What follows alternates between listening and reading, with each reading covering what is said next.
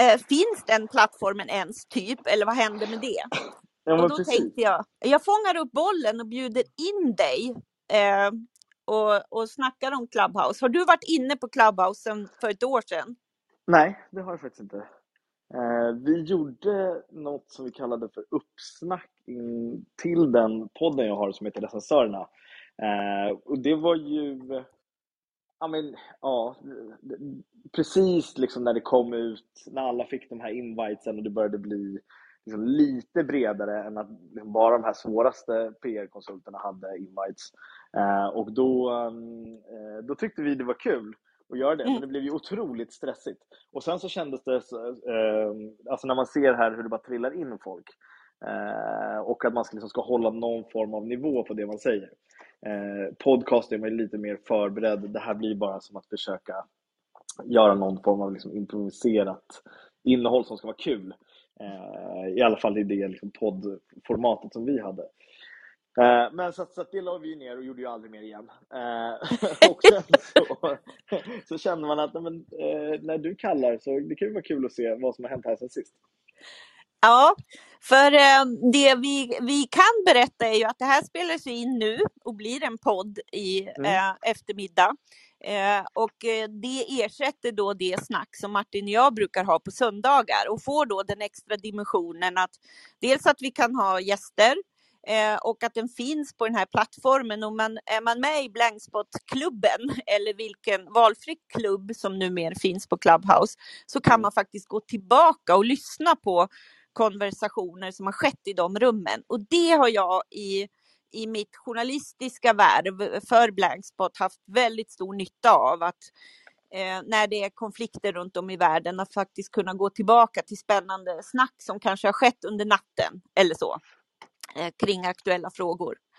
Eh, plus Martin gick loss förra veckan på att testa lite ljud och annat som finns i en, eh, man, om man laddar ner något som heter Clubdeck så får man en massa funktioner, eller hur Martin?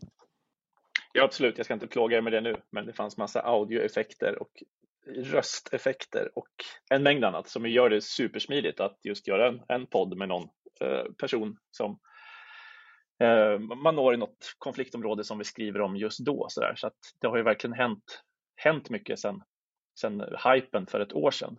Egentligen är det mer användbart nu för publicister, eh, Clubhouse och Clubdeck, i och med att in, själva inspelningsfunktionen har verkligen förenklats.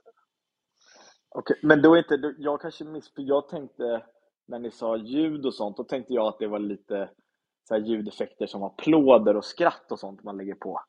Och, eh, men, men det är inte... Kan du sånt, sånt, finns, sånt finns också, absolut. Sen kan du lägga in dina egna, liksom din egen jingel eller din egen poddjingel eller sånt där. Just Eh, det, okej. så, men eh, absolut, det, allt det du nämner finns. Ja. Unn, är du med oss ljudmässigt nu? Nej, Unn verkar ha problem, för eh, tidningen Vi drog ju också igång redaktionssnack, minns jag, för ett år sedan.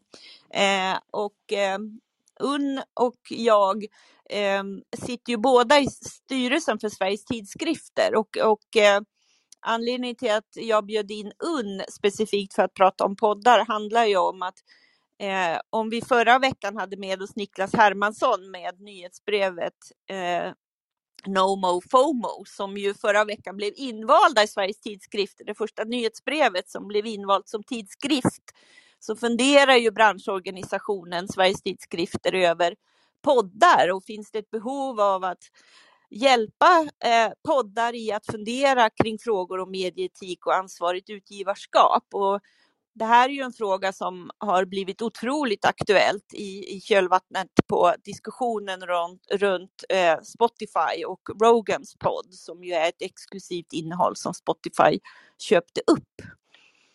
Eh, men Unn verkar inte få igång sitt ljud. Vi provar en gång till. Är du med oss Unn? Nej.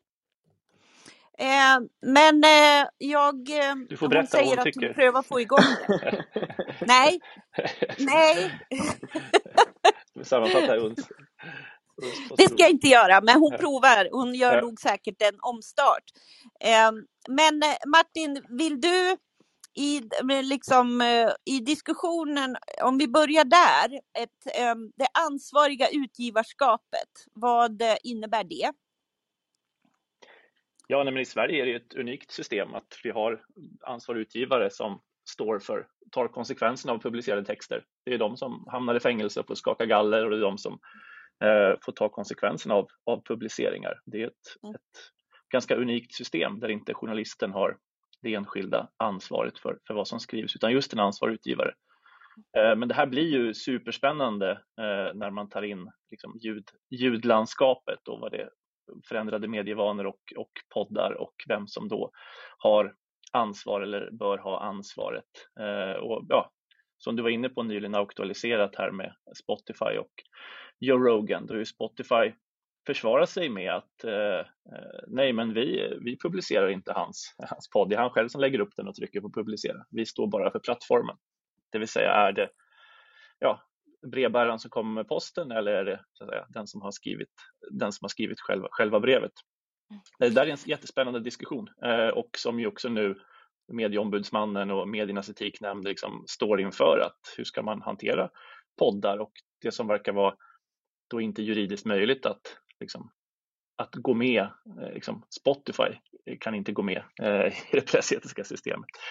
Eh, och så vidare. Det finns en mängd komplikationer som ju ja, men, eh, är, ja, är och sen kan man ju, och då, sen kan man ju addera att här blir det ju så här hybrid-tech-företagen som då ändå har modereringsriktlinjer som gör att även om Daniel Ek gömmer sig bakom att Rogan publicerar själv så kommer ju Spotify ändå gå igenom och applicera sina modereringsriktlinjer. Det tas ju ner och det gjorde ju Daniel Ek en poäng av att 20 000 poddar med eh, falsk covid-information har ju tagits ner under pandemin till exempel. Så då närmar de sig ju redan publicistiken väldigt mycket för att man gör urval. Så att det är ju, det är ju väldigt spännande här. Ja, eh, nu ska vi se om Unn har fått igång sitt ljud. Det har hon inte. Nej, hon försvann snabbt igen. Ja. Eh, men så har ju diskussionen då eh, varit och då i, i, den, eh, i det senaste mötet som Unn och jag hade inom Sveriges tidskrifter ihop med Kerstin Neld som är VD för Sveriges tidskrifter så funderade vi lite över är det här med att liksom ha diskussioner om det ansvariga utgivarskapet, vad medieetik är, är det här något som på samma sätt som Sveriges tidskrifter har haft liksom kurser om ansvarigt utgivarskap, eh, finns det ett behov av att poddar får större insikter om det och eh, skulle det bara gälla samhällspoddar eller eh, ja, man behöver ju kunskap om förtalslagstiftning, alla de här delarna och så. Och då är det lite kul att resonera med eh, dig PO. Är det här, hur, mm, har du någon tanke kring det här eh, inför vårt snack här idag? Så... Ja, alltså, ja, alltså jag, kan, jag är ju alltså uppriktigt förvånad att, att jag inte har fått eh, mer skit genom åren. Eh, för att man har sagt så sjuka saker. Och, eh, och att det bara har eh, eh, fått eh, liksom flyga förbi. Sen så är det här ju liksom inom ramen för en humorpodd, men, men det är ändå... Eh, det, som, som till exempel så kan jag prata på skämt då såklart, med, med skit om samer i fem avsnitt i rad. Men det är ingen som hör av sig om det. Jag, jag, trodde, jag trodde verkligen, att, alltså med tanke på att de är lite på tapeten nu också, eh, samerna, så tänkte jag att det här, det här kommer det vara någon som, som tar illa upp eh, för. Men, men, men det, det, har inte varit. Det, det är ytterst ovanligt eh, att, att någon hör av sig in. Jag tror att kanske det har hänt oss på tre år. Alltså då tänker jag inte bara en, en eh, enskild lyssnare utan något form av eh, liksom, någon organisation. Eh, och, och, det var en gång när vi hade vi, vi skämtade om att vi skulle låta amputerade klippa biljetterna till, till vår show på Skalateatern. Eh, då, då var det något sånt riksförbund som hörde av sig och sa att det där var inte så kul. Och, och sen så var det faktiskt nu, för inte så länge sedan alls, som jag lite slarvigt använde ordet zigenare eh, istället för rom. Och då kom de här som man är eh, livrädda för. Eh, vad är de heter? Forum för levande historia. Eh, de, de kändes farliga och, och satte ner, de satte ner foten lite och sa det här, nu får ni skärpa till er. Eh, så, så det har vi gjort såklart. Men då, det tog ni upp sen, minns jag. Att, ni, att de hörde, hörde av sig, minns jag. Att ni tog upp. Just det, jag eh. skämtade lite om det kanske. Men, men, ja. men, men, ja, men de, de känns det som att det, finns, det känns, de, de, de har ju något sånt där jättestort hus i Gamla stan. Alltså lyxig liksom, sekelskiftskåk. Det känns som att det finns oändliga resurser att liksom jaga mig till världens ände där.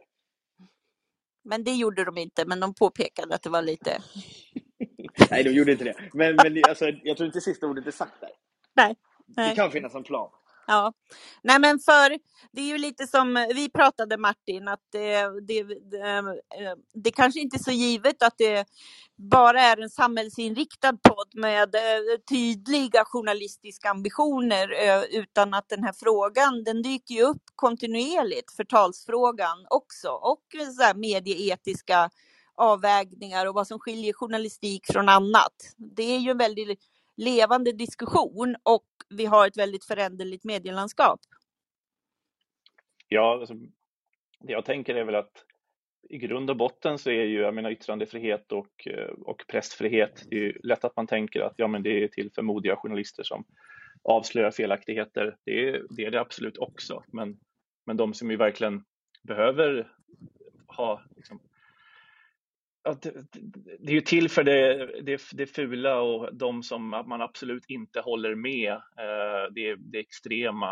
Eh, det är ju någonstans de som behöver eh, ett, ett, lagstöd för att ibland kunna framföra sina, sina åsikter som går liksom tvärs emot någon form av allmän moral och, och konsensus. Så att när jag tänker på så här, vem, vem ska ansluta sig till det medieetiska systemet så, så borde jag en humorpodd och liksom rör mig ut i de, ut i de tassemarkerna så, så känns det som att det vore ganska viktig diskussion att, att, att snabbt få liksom ett grundlagsskydd för, för, sin, för sin podd eller för sin, liksom, ja, sin, sin verksamhet någonstans.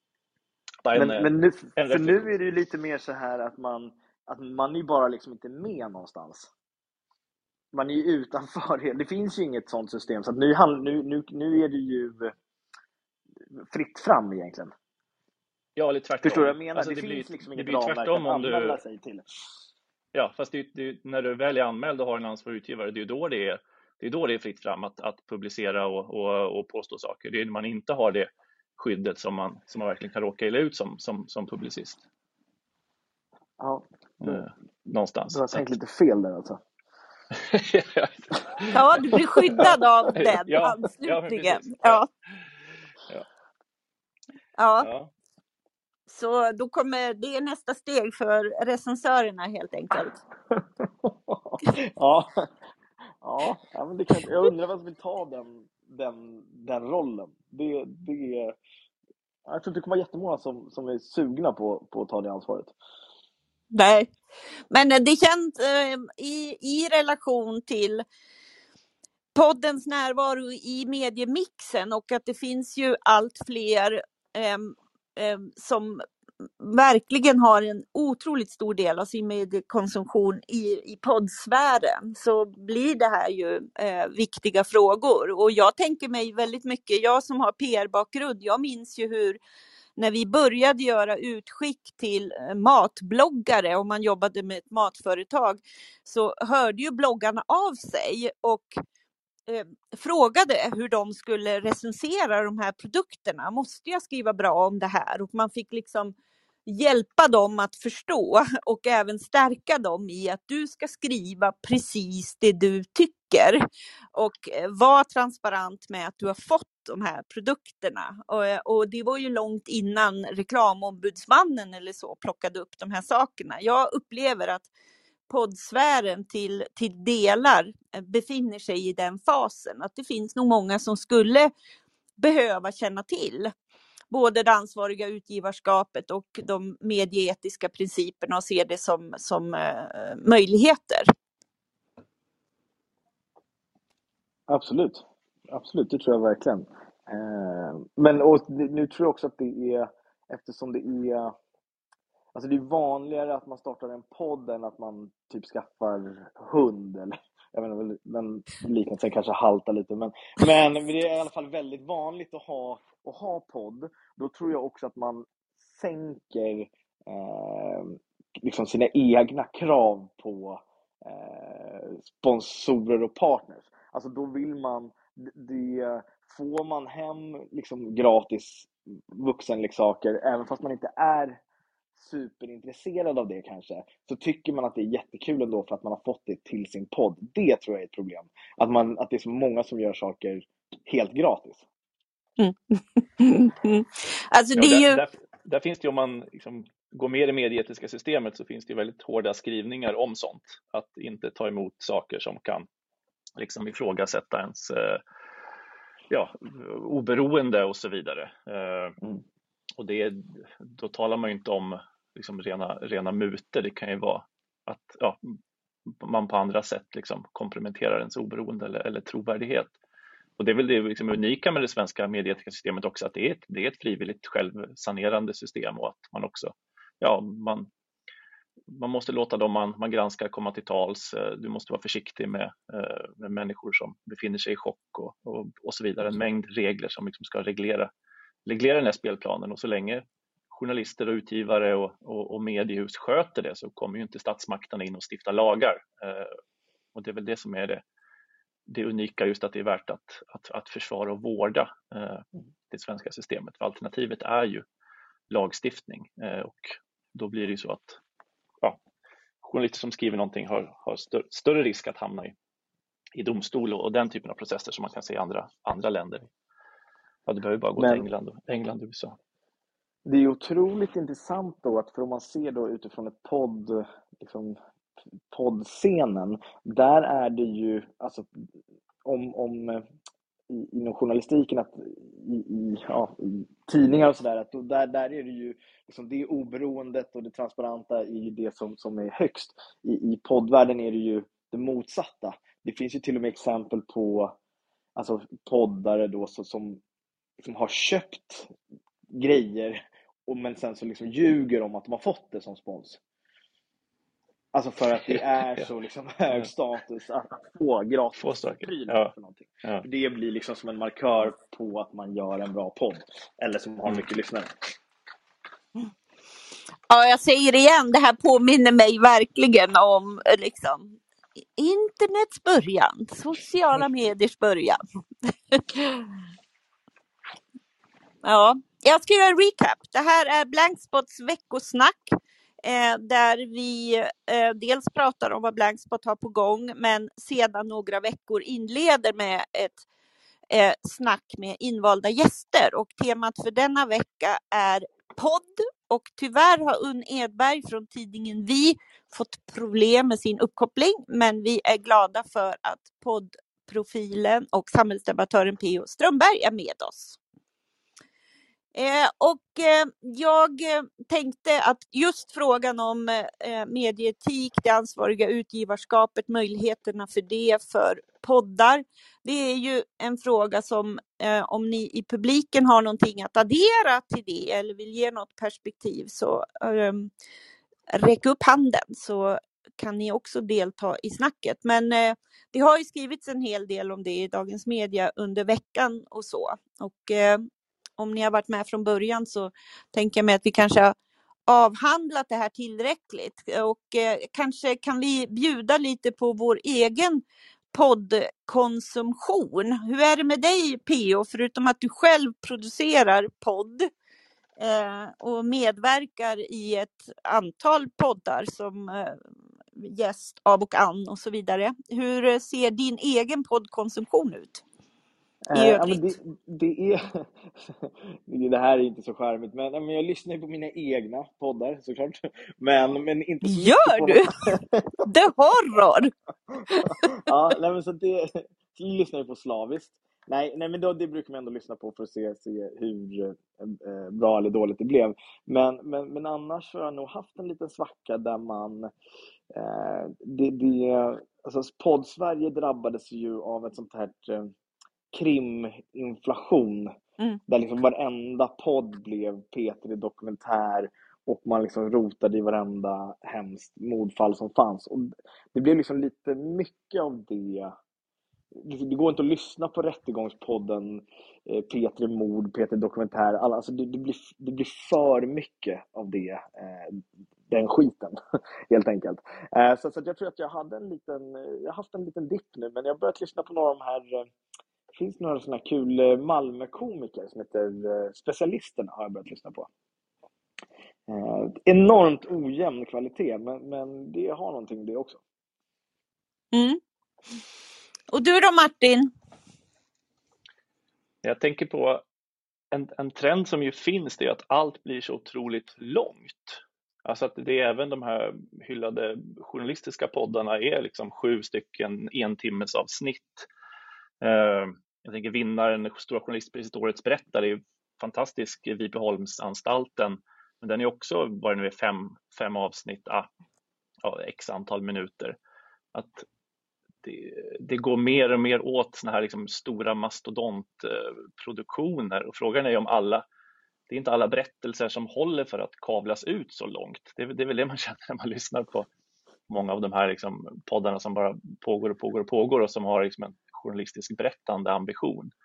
Eh, att, ja, men ibland känner man att det behöver inte vara åtta en timmars avsnitt. Det hade kunnat gå att få ner på, på en timme. Det är väl en fundering. Eh, men, och varför det går längre och längre håll, det har väl också med affärsmässighet att göra antar jag. Att ja, du får ju mer och mer lyssning och fler timmar och, och så vidare. Eh, så, ja, jag vet inte vad som är hönan och ägget i det, men det, man det kan konstatera att allting blir, allting blir längre. Liksom. Ja, det, ja. hur långt kan ett reportage vara? Kan, vi, kan det pågå i liksom 60 timmar? Ja, det kan det ju. Eh, men är det bra att det blir så? Men även så liksom kommersiella poddar, alltså mer, alltså, vi, vi snackar riktiga skitpoddar, typ Framgångspodden och sånt där. Då, de börjar ju också bli så här långa. Så, mm. Alltså Joe Rogans avsnitt, de är väl också så tre timmar långa. Mm. Ja. Jag undrar vem, liksom, det, det är ju pannben att kunna lyssna så länge bara. Mm. Jag kan säga att jag har lyssnat på 42 Joe Rogan avsnitt i samband med research för den här artikeln när jag skulle summera Spotify och eh, Joe Rogan. Eh, alltså jag har kaninpuls fortfarande. Man blir sjuk i huvudet. Eh, det är som du säger, tre, fyra timmar. Det är helt sanslöst och sen dessutom när det liksom tematiken upprepar sig och man vet att i de här flödande samtalen så kommer de komma in på de här vanliga och återkommande tematiken runt pandemin till exempel eller runt synen på politiker eller någonting. Alltså det är ju, det är ju hjärntvätt som pågår i någon form. Man blir, då, då blir jag bedrövad och samtidigt är verkligen eh, poddandet för mig en, en otroligt viktig del för att bli smartare generellt eller bara ha kul. Så. Det är otroligt starkt att du tog dig igenom 42 avsnitt ändå. För, ja. alltså för en artikel. Ja, men det är mitt stora problem. Martin försöker. Jag skriver ju ingenting utan har koll. Men kaninpulspåslag har jag ju efteråt, för nu tror jag att världen kommer gå under. Men det har ni inte hört mig säga. Men det är liksom och så. Eh, men då är det ju så att eh, den podcast som du har Pio, den ingår ju i mitt lite så här guldkorn per vecka, där jag bara vill ha lite roligt och bara höra tokerier liksom. Och det är ju recensörerna helt enkelt. Eh, och jag behöver den mixen. Jag behöver, man behöver ju det. Om man har lyssnat på för mycket undergång eller bara smarta grejer. Smarta grejer. Då behöver man er. ja, men det, det, det gör mig glad. Ja. Att jag ta den platsen i, i, ditt, i, i, i ditt huvud.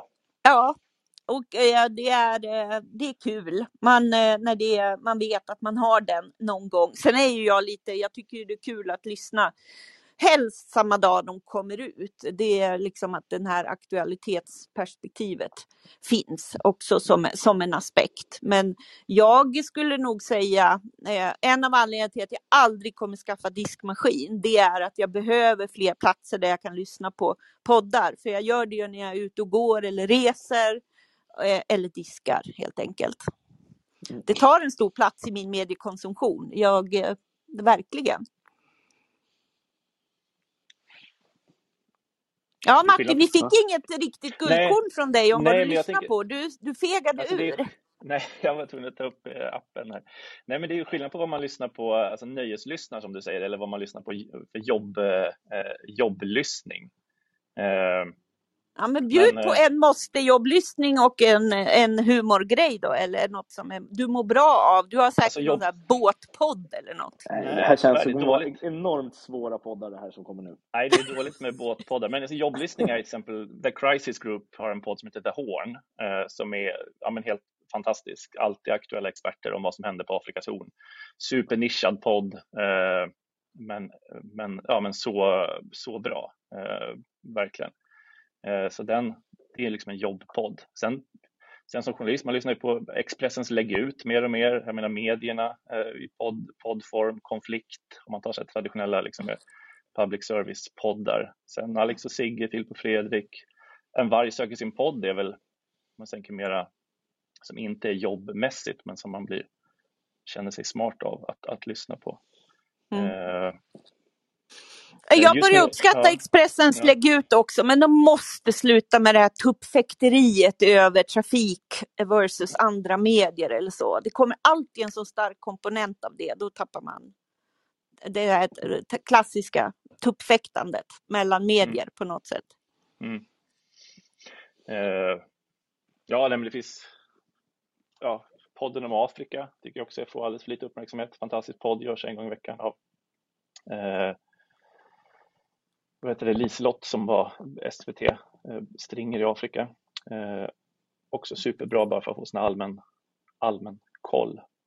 Mm. Ja. Nej, men jag Och var ju med i Publicist. Martin, Ja. eh, alltså, är du sugen på att höra lite roliga citat från hon Maritta i Ullared så, så tycker jag verkligen du ska lyssna på recensörerna. Vi brukar köra lite sådana soundbites.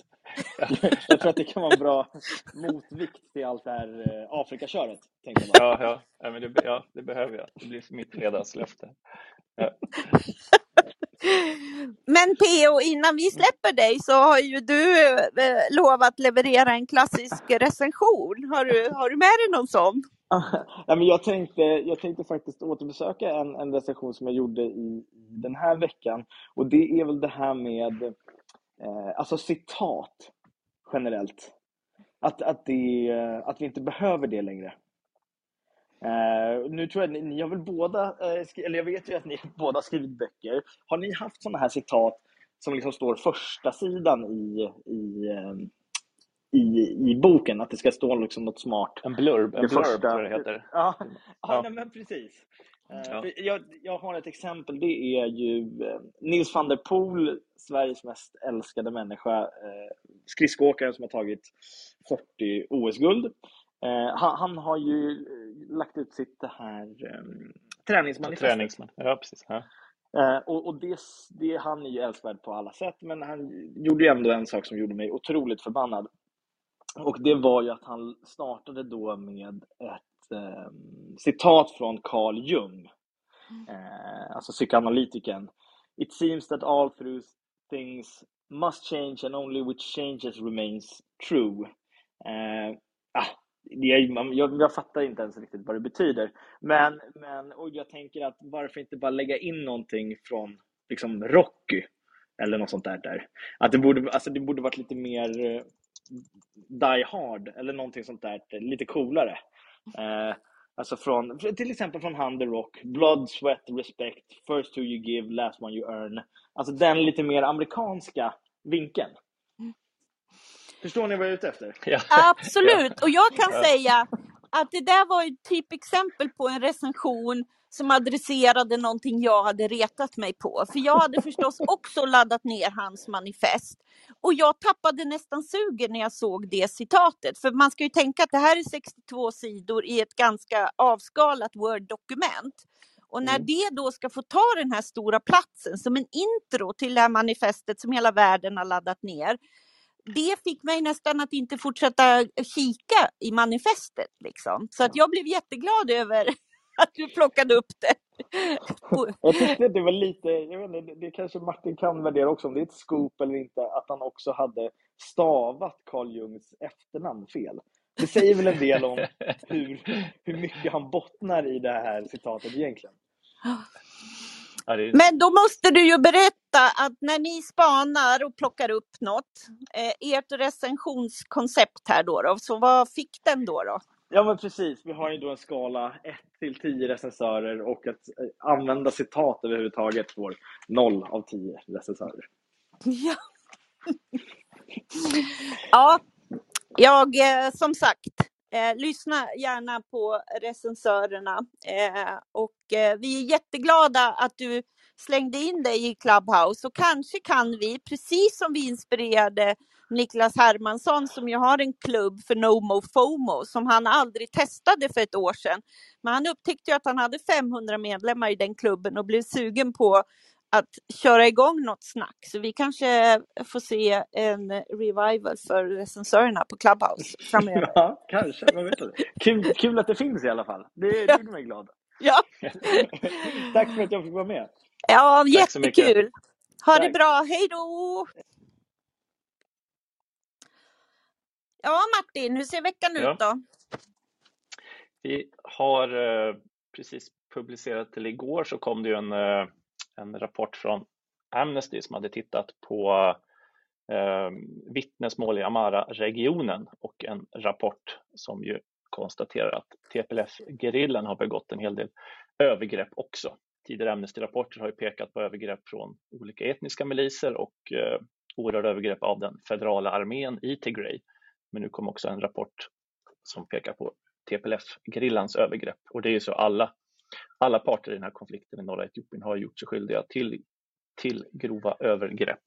Eh, och hur de ska hanteras är ju en, en fråga nu när man ändå närmar sig någon typ av fredssamtal eller konflikten går in i ett nytt skede i alla fall.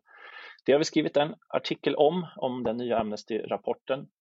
Donald Boström var också på plats i norra Etiopien och har gjort tre stycken längre reportage eh, om konflikten som också finns att titta på. Så det kommer i veckans nyhetsbrev.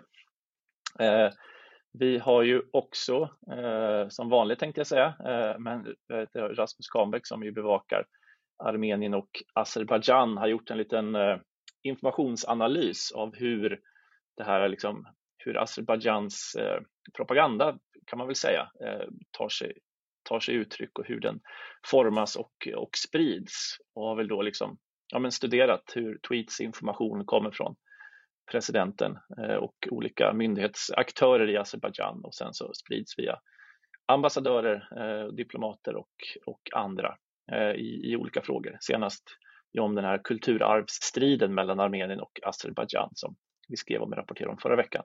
Men han har gjort en informationsanalys av det eh, som är väldigt spännande. Sen har du i Qatar eh, rättegången mot den här före detta Fifa-tjänstemannen har fortsatt och det finns en hel del nytt som har hänt i veckan som Linnea Bergqvist skriver om som vi publicerar imorgon. Eh, det var en Fifa-tjänsteman som kan man säga var en visselblåsare. Eh, han eh, tog ganska tidigt upp eh, situationen för migrantarbetare och framförallt kring en demonstration där migrantarbetare krävde förändringar eh, och många menar då att åtalet mot honom för korruption inte har något med korruption att göra utan är ett straff för att han talade fritt om migrantarbetares situation i Qatar. Så det är ett, ett rättsfall som vi har skrivit ganska mycket om som vi kommer fortsätta rapportera om. Eh, ja, det är kort om vad som kommer i veckans nyhetsbrev. Mm.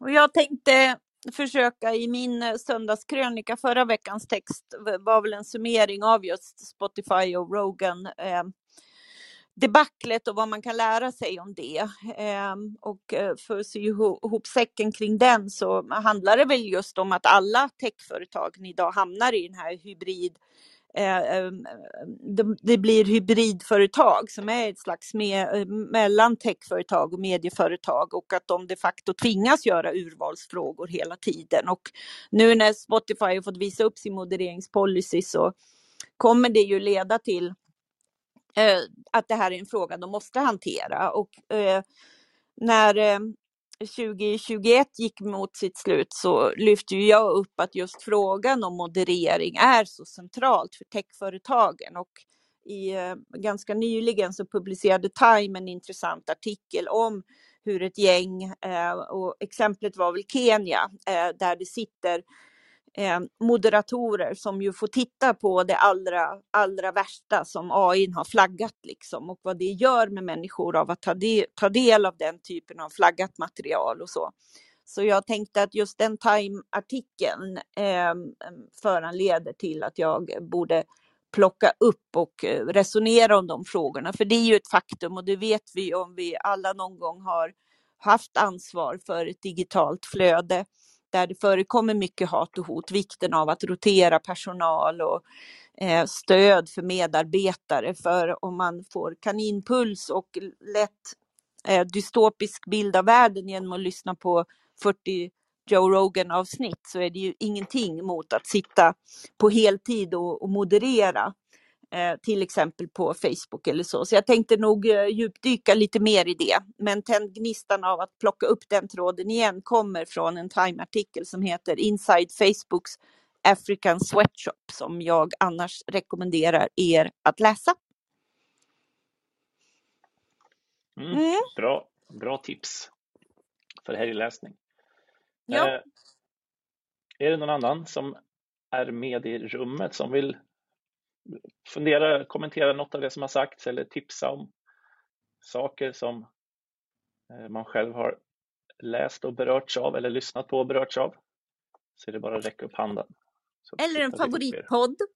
Ja, precis. Ja, apropå dagens inledande tematik, så räck upp handen och eh, join the conversation.